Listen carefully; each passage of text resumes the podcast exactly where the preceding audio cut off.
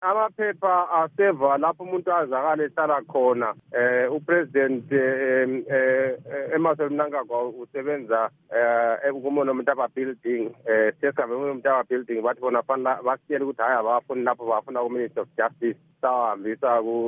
ku-prosecutor general khona ngale so lokhu asebekutsho nje sokungani um yingxoxo linanzelele phela lokuthi inauguration akade bekhuluma ngayo sebeyikhansile ngoba bawatholile amaphepha angazi ukuthi sebezamani bethuke nje ukuthi upresident nelson chamisa une-evidence eneleyo ezenza ukuthi um okwatshiwo ngujustice jigumba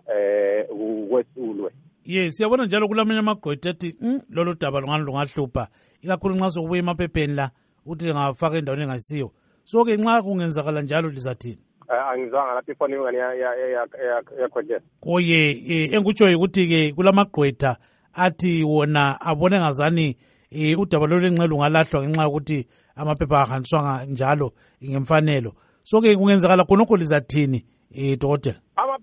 amaphepha ahanjiswe ngemfanelo eh umhlaba wonke ukhangele okwenzakalayo uyazi ukuthi eh ama-journalist abekhona kuhanjiswa amaphepha emenamtaba building eh bebekhona kuhanjiswa amaphepha njalo ku-ministry of justice ngalolo hlobo angazi ukuthi baza bacabanga ukuthi baza eh wenza bazathabisa abantu njalo bazakholwa ngubani eh ukuthi eh,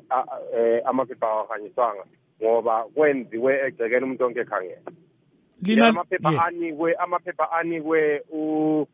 usheriff we-high court eh so ahanjise kathathu lokhu uzanye ukuthi kudingwe lapho upresident mnangagwa ekhona kumbe umuntu ongabe emmelele ngalolo hlobo angazi ukuthi kukhanye ngani nje bayaphonga uzama ukuthi bangabona ukuthi bangasila njani wabapha i-evidence ibehlula ye lina libona ngizani liza tshaya njani kulokhu elikwenzileyo kuyaphumani hayi hayi i-evidence isegcekeni e, e, e, emasabezulu iqiniso ke lokuthi phela umuntu nxa ebala nxa kulabantu abangu-ten bangu-ten nxa bengu-eleven bangu-eleven manje ujustice jikumba wathi abantu bangu-eleven uthe esekhipha amaphepha amaphepha kathi no abantu kade bengu-ten khonokho kumgceke phela ukuthi ubekhuluma into ayithandayo nje kodwa angakhuluma into eliqiniso